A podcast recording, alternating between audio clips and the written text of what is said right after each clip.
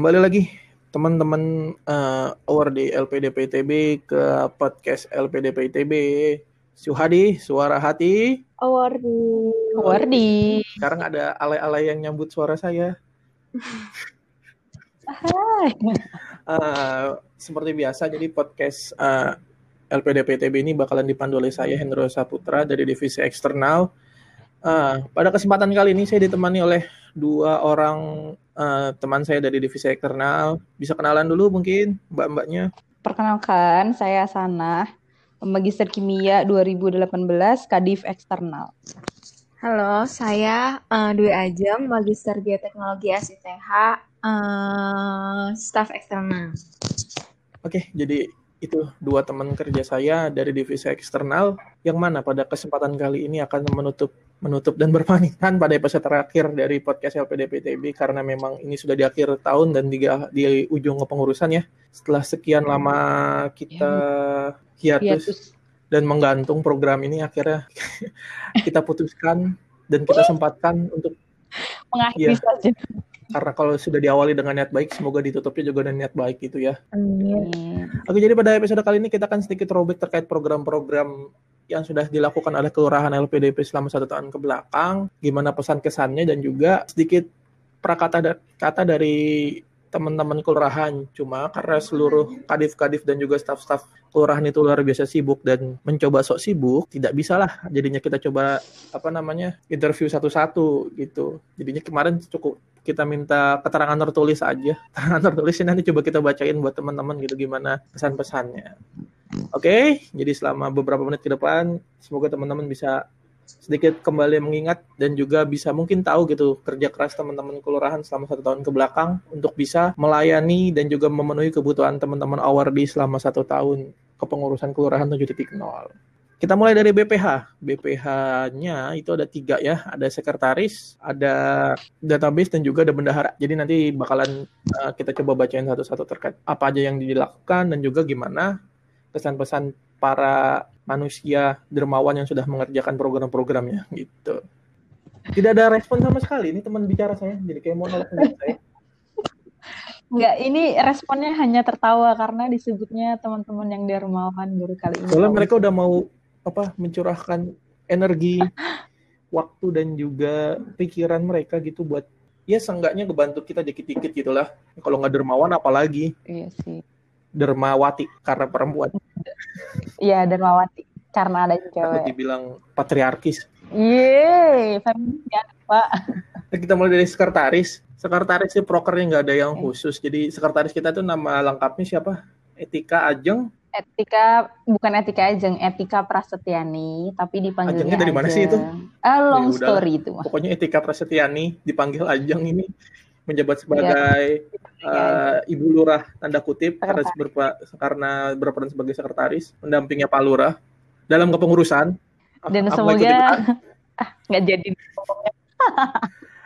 Prokernya sekretaris itu macam-macam ya teman-temannya. Jadi mungkin dia beliau nggak pernah kelihatan di permukaan, cuma beliau yang ngerjain timeline kita, bikin surat dan proposal, ngurus surat keluar dan sebagainya dan sebagainya gitu. Di sini juga beliau memberikan satu keterangan yang cukup bombastis gitu. Salah satu proker dari sekretaris adalah ngedampingin lurah kalau lagi pas lagi perlu didampingin. Semoga bisa berlanjut di pendampingan-pendampingan berikutnya ya, Mbak Etika. Amin. Paling serius ya, Mbak. Ini Anda yang nulis sendiri loh, jangan marah nanti begitu ini sudah update gitu. Jadi gitu itu proker-prokernya. Terus pengalaman beliau mengerjakan proker tuh beliau tuh sempat kalau kemarin tahu ada sebuah proker bareng divisi internal itu wisuda LDR ya. Dan beliau ini yang ngehubungin ya, beberapa narasumber salah satunya adalah Mbak Najwa Shihab gitu, Mbak Nana Najwa beliau itu yang nge-DM DM terus dibales gitu dibales, dibales sama akun bercentang. Beliau kayak shock. Iya. Centang biru. Jadi itu salah satu yang berkesan termasuk kemarin ngurusin musyawarah besar yang sudah terlaksana gitu. Itu dari sekretaris gitu. Kalau kesan kita kesan saya pribadi buat Mbak Etika sebenarnya kalau lebih galak dikit lagi aja mungkin kerjaan kita semua beres karena emang ya gimana ya karena kelurahan ini basisnya komunitas jadi tanggung jawabnya masih agak sedikit gantung-gantung jadi harusnya dibutuhkan sekretaris yang lebih strict gitu. Iya. Kalau teman-teman yang lain mandang Mbak sekretaris ini gimana? Kalau aku pribadi nih karena udah kenal lama sama sekretaris ya. Memang bener sih Ajeng ini kurang galak sih. Jadi kadang uh, kalau ada yang molor-molor tuh paling dia cuman ngingetin-ngingetin doang gitu, tapi nggak marah. Gitu. Kayaknya seharusnya tuh Ajeng sekali-kali butuh marah-marah deh gitu sih. Kalau dari Ajeng satu lagi gimana? Uh, Ajeng ini temen PK aku. Hah? Iya, PK 128. Jadi aku harus memberikan jawaban yang baik-baik untuk Ajeng. Karena kita mendukung sesama PK. Ternyata ada kong kali kong ya? Kalau aku sih ngeliatnya dia tekun sih emang orangnya kalau menurut aku. Terus, terus? Dan dia cukup penyabar.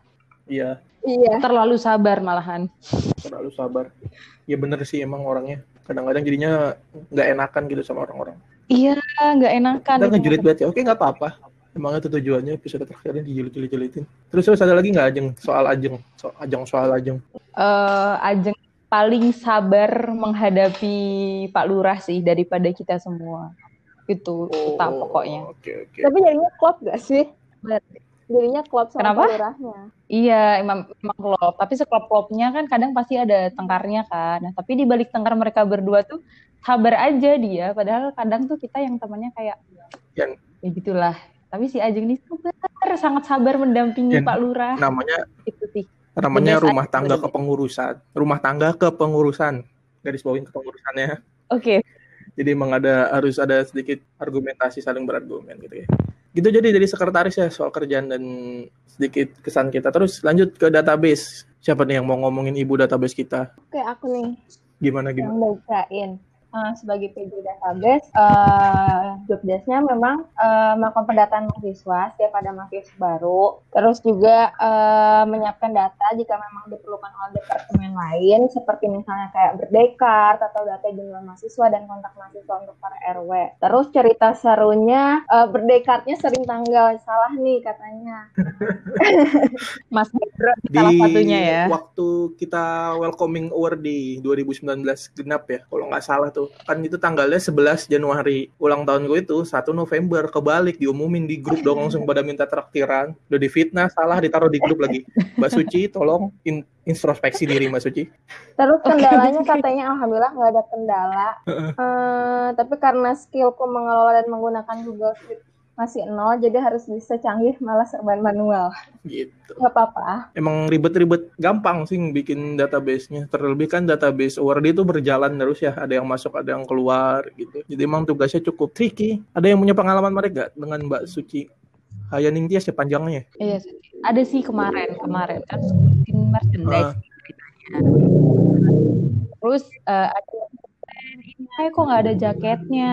Udah kirimkan ke aku. Pas Hmm. Tapi emang di di rekapannya tuh nggak ada jaket. Terus di cross check Mbak Suci, eh ternyata Mbak Sucinya kelupaan. Orangnya ini pesen jaket tapi nggak ada jaket. Terus gimana Jadi emang akhirnya harus ngirim dua kali.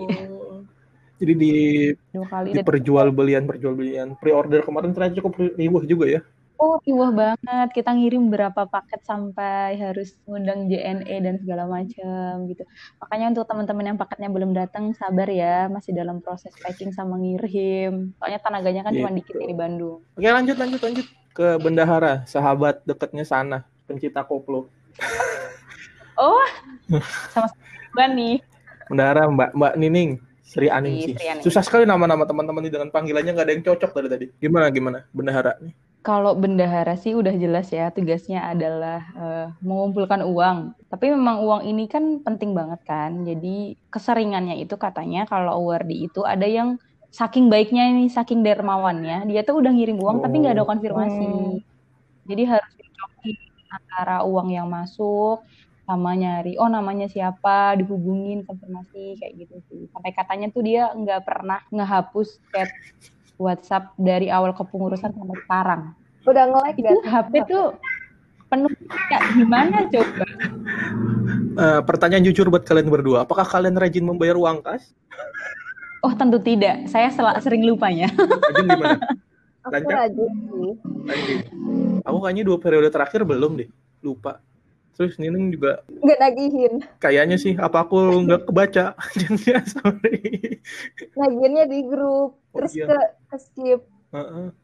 Kan setiap itu ya, jadi buat apa uang kas kita tuh setiap periode pencairan tiga bulan sekali sebenarnya lima puluh ribu dan sepertinya pengurusan kali ini rekor karena sisanya banyak banget. Semoga tahun depan bisa lebih diefektifkan uang Iya kasnya dong. gitu. Ada kesan tersendiri nggak soal pribadi Benar, Bu bendahara benar. kita nih? Oh nggak diragukan lagi ya bendahara kita nih super humble, super ramah. Jadi kayaknya emang cocok banget jadi bendahara gitu. Kayak tek tek tek aja juga orangnya. Jadi sangat cocok sih Mbak Ningsih. Partner biduan. Gimana? Biduan dangdut. Aja nggak ada? Enggak sih, Udah aku sih. selain nyetor uang kas. Itu penting itu yang lebih penting. itu yang lebih penting daripada pesan-pesan lebih baik uang kasnya lancar. Oke, kita lanjut ke divisi-divisinya. Jadi tiga, tiga BPH kita lanjut ke divisi pertama kita bahas soal PSDA gitu. PSDA adalah kepanjangan dari pengembangan Sumber dari Awardi. oh bukan Sumber anggota daya ya. Sorry sorry sorry sorry sorry. Jadi P, PSDA ini dipimpin oleh Ibu Nadia Suraya atau dipanggil Naya. Iya. Dia bikin sebuah tulisan Dear BPH LPDP ITB 7.0.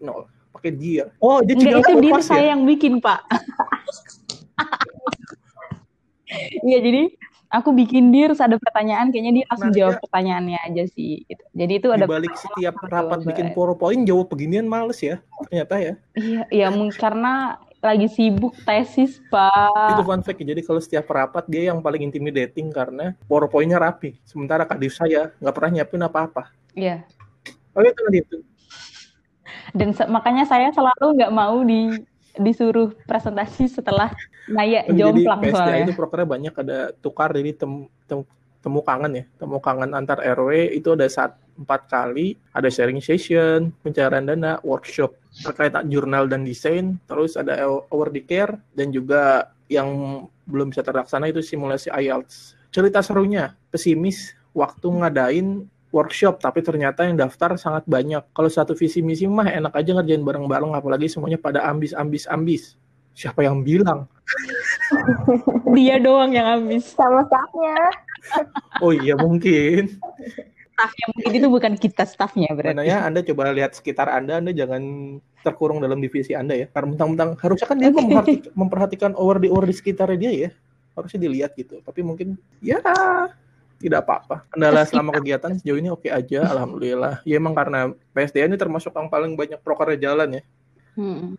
Sepertinya impact-nya cukup positif dan teman-teman Awari juga memberikan apresiasi berlebih. Jadi good job buat teman-teman PSDA gitu. Setiap eh, acaranya rame, terus juga menarik dan juga ini mungkin ambis ambis ambis. Ada kesan gitu buat Bu Nadia Suraya ini?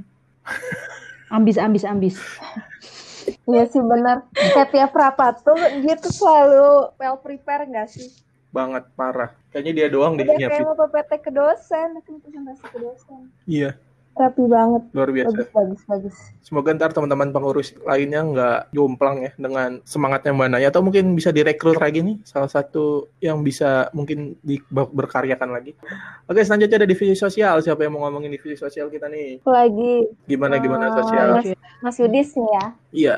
Eh, prokernya tuh ada lima. Ada tanggap darurat bencana, motivational visit ke sekolah di pinggiran Bandung, urunan kurban, eh, bakti sosial ke panti asuhan, sama jika aku menjadi. Terus katanya karena situasi pandemi, eh, akhirnya meminimalisasi perkumpulan massa, terus juga eh, bakti sosial ke pantinya dan jika aku menjadinya jadi gagal dilaksanakan. Terus yang berhasil dilaksanakan itu ada tiga, eh ada ada satu kali motivational visit, terus ada tiga kali open open donasi itu yang banjir Jabodetabek, kebaikan bersama COVID, sama uh, bencana banjir Sukabumi, sama ada satu kali kurban. Terus cerita serunya nih katanya pas motivational visit volunteernya melebihi ekspektasi sangat banyak, bikin terharu. Kirain bakal nggak laku, ternyata semangat pengabdian teman-teman sangat tinggi. Terus kendala di, di divisinya cuma satu, katanya insecure acara-acaranya nggak diminati, tapi rasa insecure tersebut auto hilang ketika antusiasme justru cukup tinggi. Sosial emang eh, acara-acaranya menarik sebenarnya idenya, cuma memang terkendala kondisi ya. Motivasi motivasi Motivation. ini adalah debut saya sebagai visit. pembicara di SMP. SMP apa SD sih waktu itu? Iya, kita, Itu kita SMA ya? berdua di SMA. Pak. Majalaya digoyang ya? SD di sini bukan SD. SMA. Putra. SMA. Emang Yudis suka Loh, suka SM, sakit. ya. SMA Mas Yudis, saya debut jadi motivator loh BTW. Aneh banget. Padahal Sudah percaya kelihatan dari muridnya. SD atau SMA. pad- SMA itu SMA. bingung ditulisnya SD. Eh, padahal percaya apa enggak aku datang ke rapat motivational visit itu cuma buat mintain data wawancara buat tugas kuliah karena wah banyak anak-anak kumpul nih mintain data ah eh tiba-tiba ditunjuk jadi pembicara dong ya sudah bantu bantu tapi menarik motivational visit tuh ke SMA Majalaya Putra. Gimana gimana? Kalau dari soal Mas Yudisya sendiri kalau dari saya sih eh, beliau ini orangnya sangat bersemangat ya. Iya betul. Sangat Dan- berapi-api. berapi-api dan mungkin buat sebagian orang karena semangatnya terlalu berapi-api atau karena atau kayak atau bukan buat sebagian orang. Buat saya jadi terlihat sedikit ofensif gitu itu kan gaya seseorang tapi menurut saya eh, berkat semangat beliau lah program-program ini mereka jadinya jadi jalan semua gitu buat terutama yang open donation itu yang kemarin Iya, kebaikan tanggap banget. eh, kebaikan berantai itu anak-anak sosial tanggap banget. Keba- kebaikan berantainya kemarin sampai bisa keluar Jawa dan mencakup beberapa daerah itu luar biasa. Gimana gimana ada pesan dan kesan buat Mas Yudis nggak nih? Apa ya? Kurang santai aja. Iya betul. betul. Sama. Kita semua Sorry ya sama. Dis. Iya emang. Kalau standar saatnya standar standar kita ya memang sangat jauh, Iya ya, bener ya. Beda ya sama kita. tapi luar biasa sih. Kurang santai gitu. Oke kita next aja ke selanjutnya ini adalah eh, divisi yang nggak divisinya teman baiknya sana, bener gak? Oh iya. Bangetnya betul biasa aja banget. dong. Oke oke sorry. Betul banget. gitu.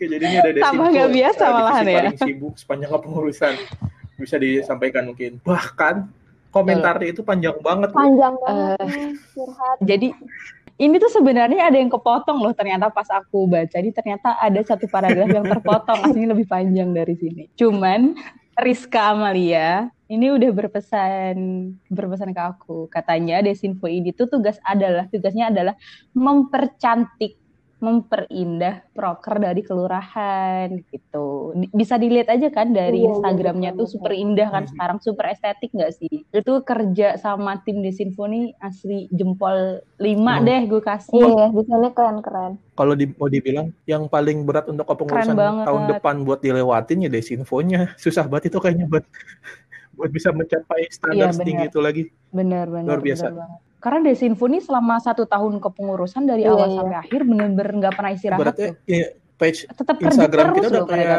punya admin profesional ya. Iya, Luar biasa. ya memang profesional sih yang itu. yang ini. Kalau dari pribadinya Mbak Rizka yang sih. periang, periang.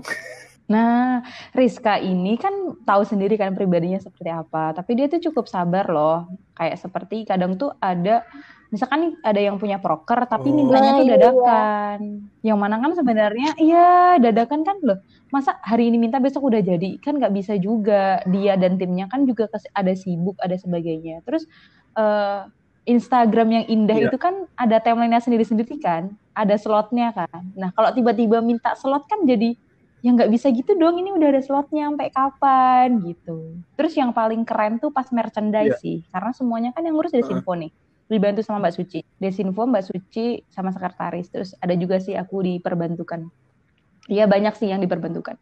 Terus ngurus dari mulai nyari vendor sampai jadi terus ternyata hasilnya nggak sesuai kayak ini kurang ini dibalikin lagi sampai datang semuanya terus ngerekap pesanan. Sampai sekarang nih yang belum selesai itu. Desinfo dong. Iya Rizka tuh kayaknya takut kurus aku tuh Rizka Bagus kalau dong. kebanyakan Bagus yang diurus tapi nggak gemoy nanti Hmm, terus dapat titipan nih katanya terima kasih untuk kakak-kakak Desinfo Mbak Kiki, Mbak Nurul, sama Mas Husnul Amri yang mau jatuh bangun hektik di Desinfo. Itu pesan pribadi dari Kadif Desinfo. Luar biasa emang Super Desinfo sweet. kita. Semoga bisa diteruskan perjuangannya Desinfo tahun depan harus lebih baik. Gimana caranya? Pikirin deh. Hmm. Saya Nggak tahu nih gimana ya caranya.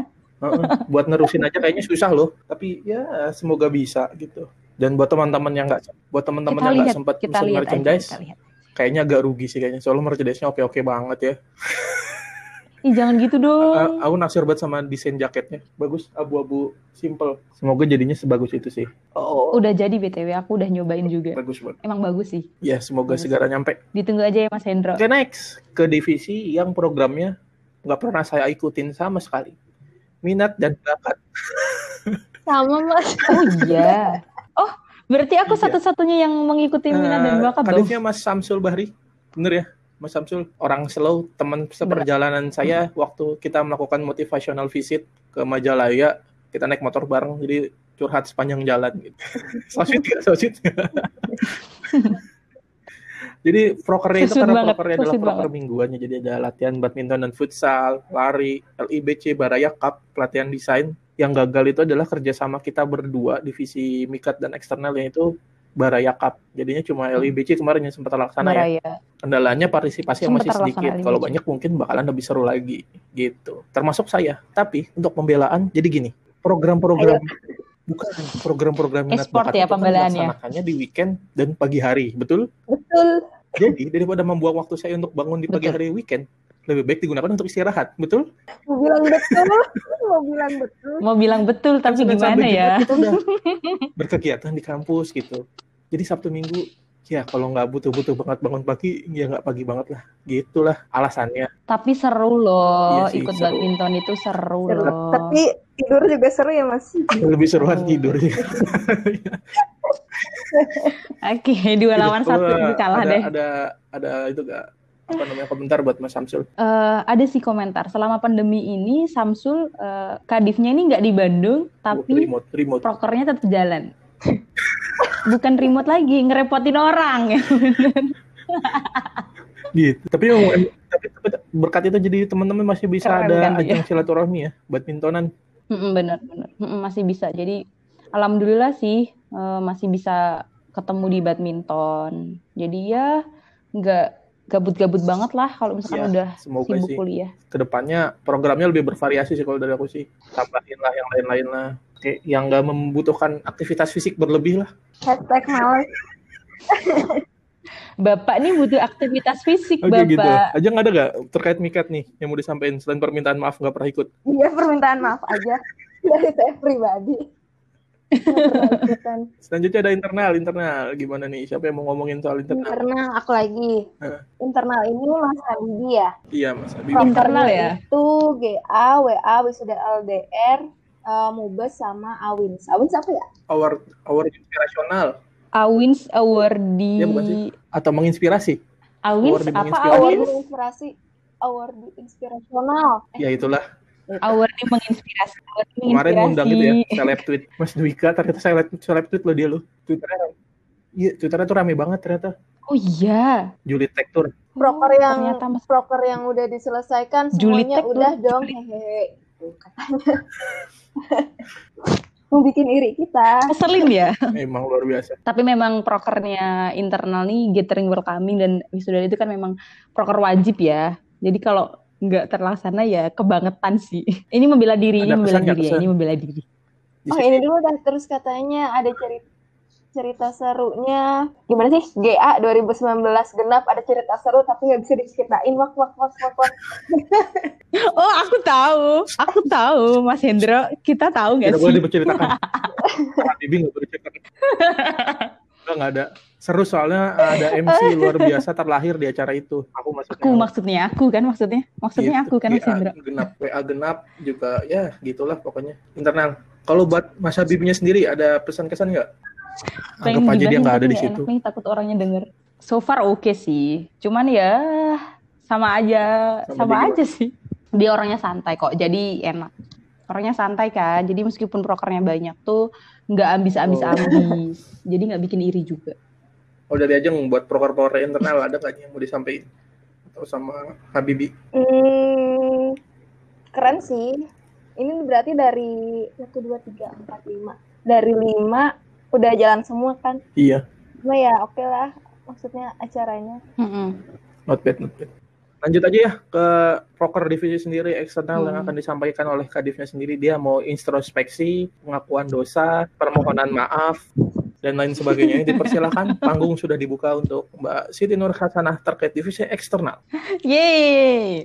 apa ya sebenarnya ini pengakuan dosa dulu deh pengakuan dosa dulu uh, eksternal eksternal ini aku merasa sih divisi yang prokernya paling banyak tidak jalan iya memang terus yang paling santai iya terus kadifnya juga tidak well prepare kalau ada apa-apa iya bener saking santainya maaf ya eh, Mas Hendra sama Mbak Ajeng harus okay. memiliki kadif yang seperti saya. Oke, okay. tapi sebenarnya uh, ada proker yang sudah kita siapkan. Tapi memang karena pandemi yang nggak bisa jalan. Salah satunya itu bukan salah satu sih sebenarnya ada yang mm-hmm. gabungan sama Baraya kan, UPI dan Unpad dan kita tuh udah sempat ketemu, udah sempat dibahas juga. Oh, kira-kira kalau acara yang seperti ini lebih cocok di mana? Jadi siapa yang main lead, siapa yang second lead. Terus acara seperti ini siapa second leadnya itu udah kita di udah kita bahas. Cuman karena ya pandemi ya.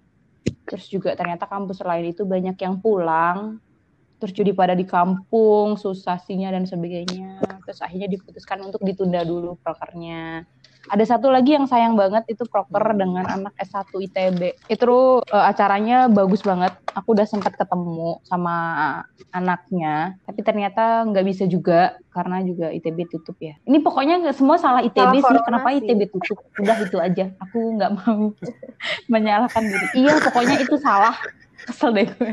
Tidak merasa bersalah sama sekali ya. Terus podcast menyalahkan kenapa harus bisa? Enggak mau, aku enggak mau. betul Mbak Ajeng, betul, betul. Terus podcast juga oh, kan. Awalnya kan kita udah rajin. Rajin nggak sih Mas Hendro kita rekaman rajin banget di tengah kesibukan ya bahkan setelah bimbingan masih nangis Tau terus itu. mau episodenya episode yang sama Mbak masih Tari ya, Mas Hendro? teman-teman dilihat itu suaranya sana agak sembab-sembab tahu nggak jelas gara-gara dimarahin iya karena abis karena abis nangis. Jadi maksudnya kita tuh sebenarnya effortnya juga udah bagus kok. Di di awal tuh udah bagus. Cuman karena ketika pandemi kan susah ya jaringannya dan tektokannya juga susah. Terus ini tim saya sibuk banget juga sih termasuk Mas Hendro di paling sibuk. Heran juga saya ini sibuk banget loh. Kadifnya aja sibuk juga sih tapi kayaknya lebih sibukan staffnya daripada saya kadifnya sih coba disibuk-sibuk. Gimana eksternal nih? Ayo sekarang kalian berdua silahkan klarifikasi aja, kenapa sibuk sekali. Sibuk apakah anda? Enggak sih kayaknya enggak sibuk-sibuk amat.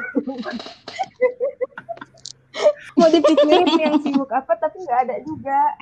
Ngelap sih ngelap aku masih ngelap oh, masih ngelap aja. Kalau aku sih nggak ada juga kesibukannya mau gimana? Cuma memang uh, kalau mau sedikit pembelaan semester ini ada beberapa mata kuliah yang perlu perhatian ekstra sih. Ya jadi mau dan karena penyesuaian akibat sistem yang serba online ini jadinya agak gagap juga. Kemarin kita mau apa adaptasinya jadi kurang cepet ya. Tiba-tiba udah Desember aja. Jadi banyak sebenarnya sih nyadarnya. Dan udah ketemu ritmenya kemarin di pertengahan November. Cuma pertengahan November kita mau bikin beberapa acara lagi kayaknya nggak mungkin aja gitu jadinya ya ya jadinya itulah alasan yang hmm, coba diadakan ya tapi beneran dong tapi beneran aku sibuk nih akhir-akhir ya, ini sana tuh kan lulusnya mau bareng kita eksternal bareng-bareng di Oktober nanti gitu Jangan gitu dong, Juli deh aku Juli aja, gitu. jangan Oktober. Oke gitu, dari semua divisi ya, tergantung termasuk julid-julidnya gitu. Ah, selain dia minta di. Kalian nggak mau julitin aku Apa? nih, kalian Kalau berdua. Dari, dari aku sih. Saya persilahkan. Sana, yang penting sih intinya sadar nggak sih kita punya grup WA yang nggak pernah dipakai. sadar, aku nih sadar, cuman karena apa ya? lebih suka japri sih. Terus ya. juga kalau di grup tuh kadang lama responnya kayak nggak semua orang langsung respon. Jadi kalau ada tuh kayak japri aja dia lebih kayak kita grupnya nggak pernah ya, ini gitu ya karena japrian. Iya betul. Itu grup udah di bawah banget kayaknya. Selain itu apalagi eh, terlalu gampang baper anak tuh. Dikit-dikit marah, dikit-dikit emosi. Oh iya. Ya nggak apa-apa sih itu mah hmm. karena masalah pribadi yang penting kan harusnya tidak dijadikan tidak sampai mengganggu performa aja kalau bisa gitu. Tapi buktinya abis nangis rekaman jalan-jalan aja kan? Iya buktinya abis nangis masih bisa rekaman itu sih. Biasanya kan kalau udah moodnya udah jelek nih udah nggak mau ngapa-ngapa. Pembicara di depan aku ditinggal sendirian, bahaya bahaya gitu. Kalau dari aja gimana buat sana tuh? Apa ya? Gak ada sih, soalnya aku juga gabut. kayaknya aku juga perlu dikritisi tapi masih masih jalan gitu. kok meskipun habis nangis lah jadi itu kita dari divisi tergabut di kelurahan 7.0 permohonan maaf kita ya Maaf ya teman-teman semua. Eksternal ini bener-bener aku sendiri ngerasa sih kalau karena selama setahun ini kayak kinerjaku tuh mungkin cuma 10% dari yang lain sih karena uh, pro proker yang di eksternal ini nggak bisa jalan. Tapi insya Allah sih, insya Allah aku sudah berusaha untuk membantu proker-proker dari divisi lain. Jadi setidaknya ketika proker aku nggak jalan, aku Tapi yang perlu proker lain sih gitu. Yang perlu Sebagai digarisbawahi, dosa. Podcast kita tetap jaya dong ya. Oh iya dong. Tapi katanya 13 Banget episode itu udah banyak loh. Sebulan satu kan, seolah-olah. Iya. Kita anggap aja tuh sebulan satu, pas tuh 12, pas Tapi tuh. deposit di awalnya agak banyak. Jadi ke sini boleh nyantai. Iya bener. Mm-mm, bener bener. Dan Itu kayak belum saving ada episode kelurahan ya. Lain yang Iya betul betul. yang buat baru kita doang. Ada, Ya, ada, kan ada, udah ada, udah ada kita yang itu podcast mah. Oh iya, maksudnya iya itu, memang kita ngikut. menginisiasi sih pak. Pede Iya. aja dulu, pede aja dulu. Nggak, nggak. Julid Kita aja kan dulu. Membuka ruang untuk kolaborasi. Kalau ntar ke depannya teman-teman dari kelurahan lain pengen ngobrol bareng sama kita, Hmm. ya nggak apa-apa gitu. Gitu ya. Ah, itu komentar kita terkait satu Boleh, tahun ke boleh.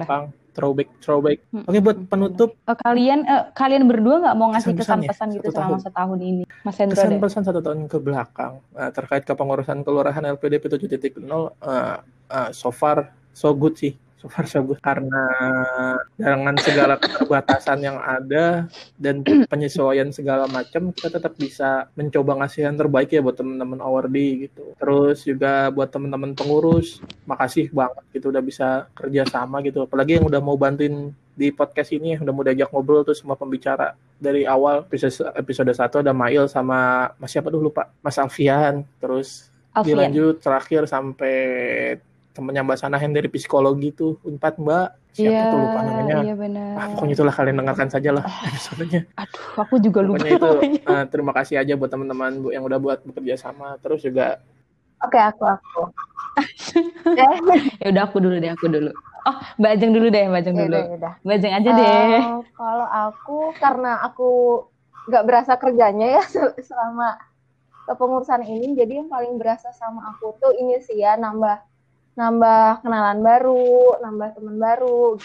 Terus kan karena kita di S2 juga gitu, yang seharusnya orang-orang tuh yang nggak ada waktu untuk bersosialisasi gitu. Cuma karena adanya kelurahan ini, ya kita jadi bisa kenal orang di luar dari fakultas atau sekolah kita gitu itu sih yang paling kerasa dan juga dengan program-programnya kayak waktu itu GA, WA karena kan yang nanti setelah lulus ya yang paling ada memorinya itu teman-teman kita relasi kita. Tuh dari sana gimana? Pesan pesannya satu tahun ke belakang. Aku satu tahun ini sangat menikmati sih, menikmati semuanya, momennya, orang-orangnya, terus ritmenya. Pokoknya setahun ini seru aja, seru ya? Seru. Udah, Itulah Seru- seru aja, dari seru kita ya terkait satu tahun ke belakang dan juga program-program throwback eh, kelurahan semoga aja sih. Eh, 14 episode yang sudah direkam dan dipublikasi ini berguna ya buat teman-teman semua gitu. Seenggaknya bisa menghibur dan mengisi waktu kosong. Eh, Terus juga permohonan maaf dari kita kalau emang ternyata podcastnya nggak bisa upload di tiap minggu, nggak bisa upload dengan waktu yang sesuai gitu. Ya tapi kita udah mencoba untuk menutup bener. kepengurusan dengan tahun positif dan baik meskipun diisi dengan julid-julid dan juga komentar pedas terhadap kadif-kadif. Buat kadif-kadif jangan tersinggung ya. Yeay. Bahkan kadus nggak sendiri aja dikasih komentar. Jangan tersinggung ya, itu semua bercanda kecuali yang serius. Iya. Enggak dong. Oke. Ya bener sih, bener. Dan eh, sekali lagi kalau teman-teman eh, eh, jangan lupa buat dukung kelurahan 8.0 yang baru terbentuk gitu Dan juga kita ucapkan ya secara resmi selamat buat lurah LPDP 8.0 gitu Mbak Aulia Aulia Rahmatul Umah dari Aulia Rahmatul Ummah. Magister Fisika. Eh, Magister Fisika. Itu kan jadi lurah baru teman-teman dan juga bakalan mencoba menemani teman-teman satu tahun ke depan. Mungkin gitu dari kita aja ya Kian ini jadi ini selamat tinggal selamat tinggal dari kita semoga semoga bisa bertemu di lain kesempatan gitu buat sana buat Ajeng. Terima kasih. Eh, ya makasih makasih. Satu Iya, tahun jadi satu sedih, tahunnya jadi juga. Sedih, terima kasih buat aduh, bantuannya juga terharu. buat teman-teman kelurahan di luar sana gitu pengurus-pengurus yang mendengarkan. Kalau mendengarkan terima kasih. Buat award-award yang mendengarkan terima kasih. Ditunggu lagi kalau ada kelanjutannya dari podcast LPDP ITB Suhadi suara hati. Awardi Gak kompak, gak kompak, gak kompak diulang lagi. Ditunggu lagi kelanjutannya dari podcast LPDP ITB Suhadi Suara Hati. Wardi. Kompak. Wardi. Ini sinyal, ini sinyal, ini sinyal udah kompak Oke, tapi sampai jumpa di nyampe. season selanjutnya dan di pengurusan selanjutnya ya. Dadah. Dah.